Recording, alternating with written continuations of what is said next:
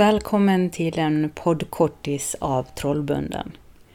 Under varannat avsnitt av den här podden kommer jag presentera platser och besöksmål med anknytning till folktro i Dalarna.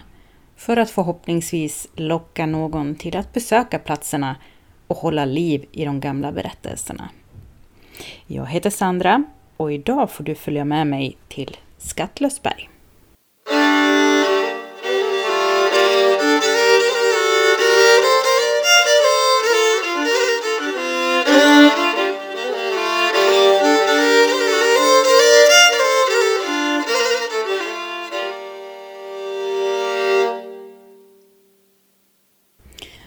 Skattlösberg är kanske mest känd för att vara hemvist för Dan Andersson.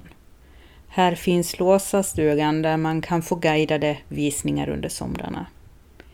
Men det är faktiskt inte därför platsen kommit att ligga mig så varmt om hjärtat. I det här natursköna området finns vandringsleder med en del intressanta platser. Du har säkert hört talas om smöjning, eller rotdragning som det också kallas. Träd med hål i stammen ansågs ha läkande krafter och att dra en sjuk person genom ett sådant hål kunde bota personen från olika sjukdomar, bland annat engelska sjukan. I Skattlösberg finns en smöjthall bevarad. Hålet har dock växt igen så det går inte att dra någon igenom det nu, men det är ändå fint att veta att man förr i tiden ansåg trädet ha helande krafter. Går man vidare på det stråket kommer man till vattstenen.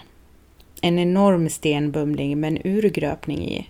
Och urgröpningen är alltid full med vatten som ingen riktigt vet var det kommer ifrån. Vattnet ska enligt de gamlas berättelser kunna läka vårtor, skabb och andra hudsjukdomar. Men jag har redan provat och det funkar inte mot rosacea, bara så ni vet. Och apropå vatten så finns det även en trefaldighetskälla här, Sankta Clara källa, där man under trefaldighetsafton kan dricka för hälsan. Dessutom, om man tar en promenad upp längs Finnpärsbacke kan man betrakta de klövavtryck som fan lämnade efter sig när han gick med glödande klövar över berghällen. För att avsluta det hela finns även Fingammelgården här, som förvarar Otto Blixts samling. Bland de gamla bruksföremålen finns en träkista med spännande innehåll.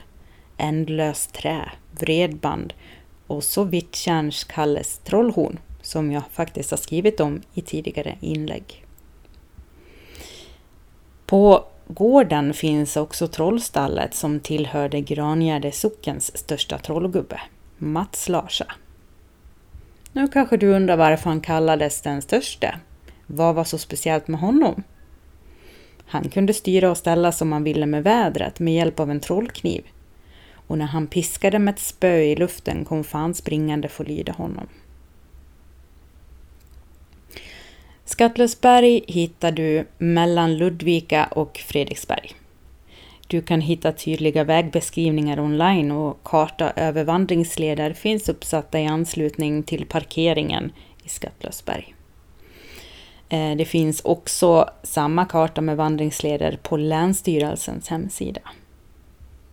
På Skattlösbergs bygdegilles hemsida finns länk för att boka visning av hembygdsgården om du är intresserad av Otto Blixts hem, eh, samling.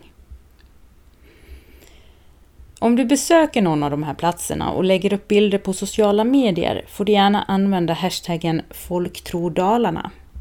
Det är vår egen lilla tagg för att sprida platserna vidare, tänker jag. Finns det någon speciell plats du tycker jag borde berätta om och tipsa om, så fler får ta del av den? Hör gärna av dig. Du vet ju var jag finns. Folktro i Sverige heter sidan på Facebook och kontot på Instagram heter Folktro. Tack och hej!